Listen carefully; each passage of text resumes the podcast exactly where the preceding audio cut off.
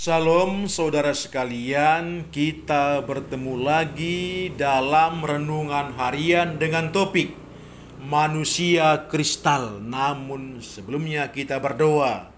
Terima kasih ya Tuhan atas kesempatan yang masih dapat kami terima untuk mendengarkan firman-Mu. Tuhan, sumber segala sesuatu, itulah penuntun hidup kami sampai hari ini. Melalui Kristus kami berdoa. Haleluya. Amin. Saudaraku yang dikasihi Tuhan, aktor laga sebagai hiburan biasa mampu mengukir hati manusia bahkan mencuci otak para penontonnya hingga mereka terjebak dalam daftar tindakan anarkis. Jadi nggak heran ya kalau bombastis kriminal mewabah bagaikan virus yang tak terdeteksi.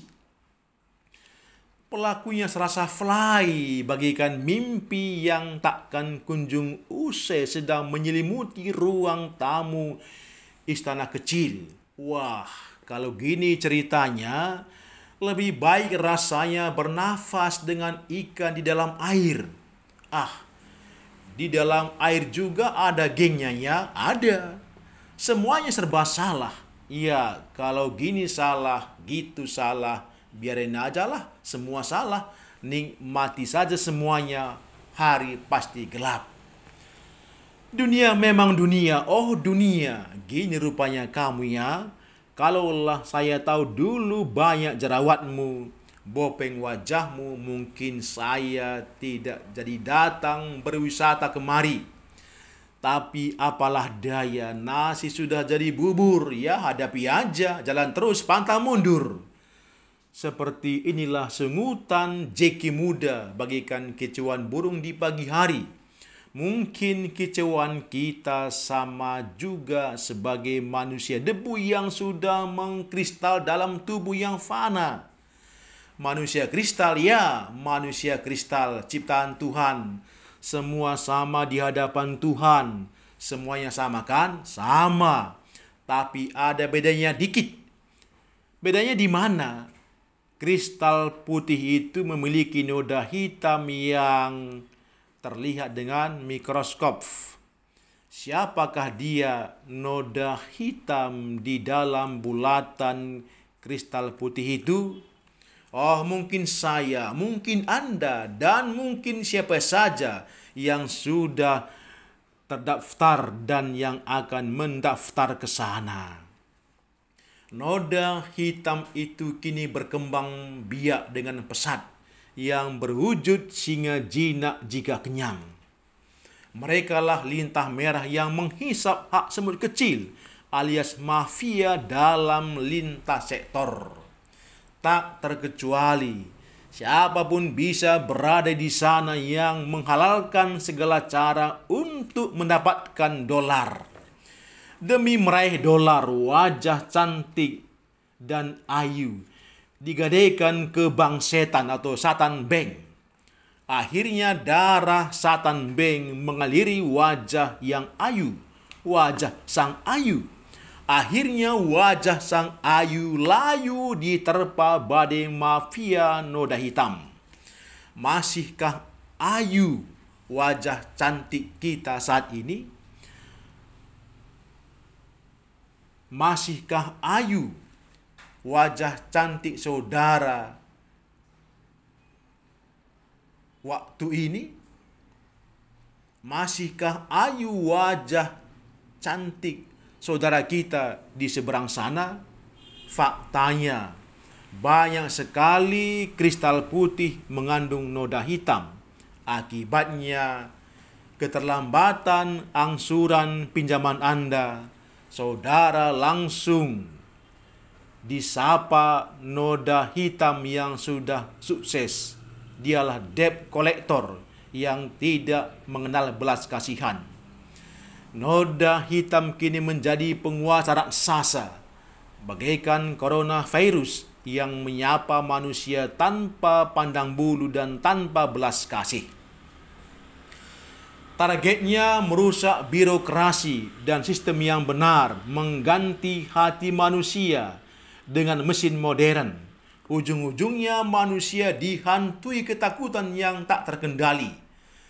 Penyakit tanpa kuman, yaitu kriminal, premanisme, dan lain-lain, hadir tanpa diundang dan pergi setelah kenyang.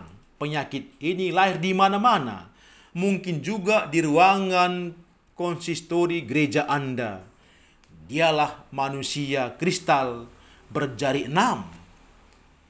Lalu terjadi lagi pertempuran di Gad dan di sana ada seorang yang tinggi perawakannya yang tangannya dan kakinya masing-masing berjari enam.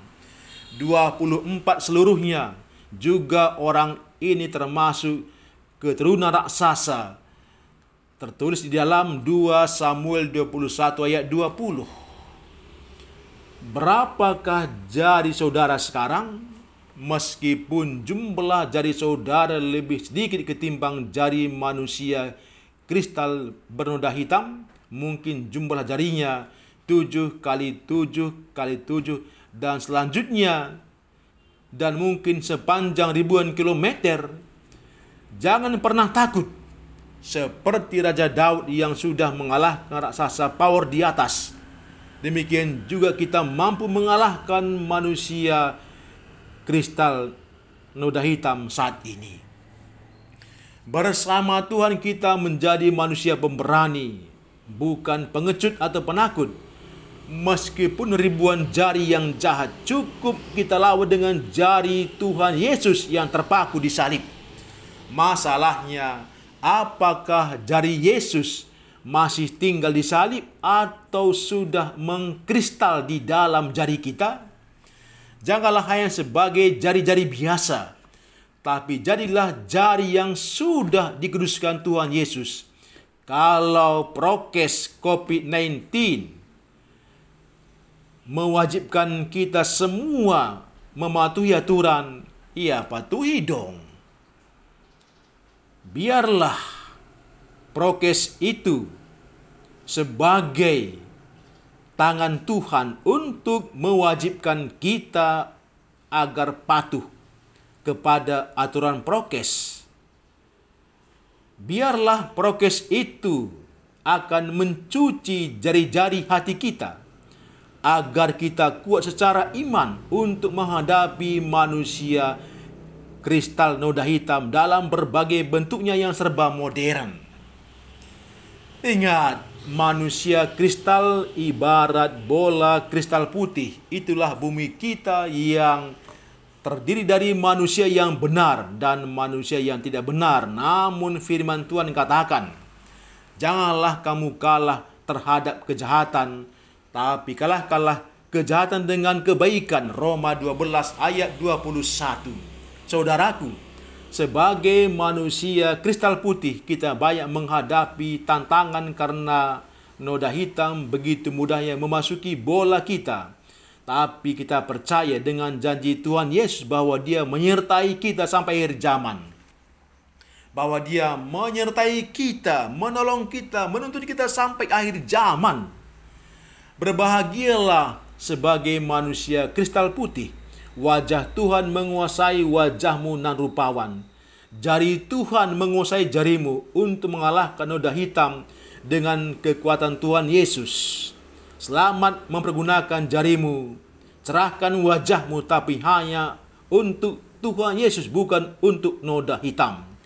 Senyumlah untuk semua orang tapi hatimu jangan supaya noda hitam tak mendapat tempat di hatimu kiranya spirit bank rohani menjadikan Anda nasabah prioritas di Firdaus Metropolitan.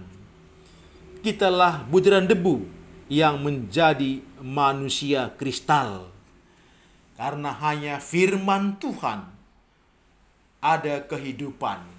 Seperti Ibrani 13 ayat 8 berkata, Yesus Kristus tetap seperti yang kemarin, hari ini, dan yang akan datang.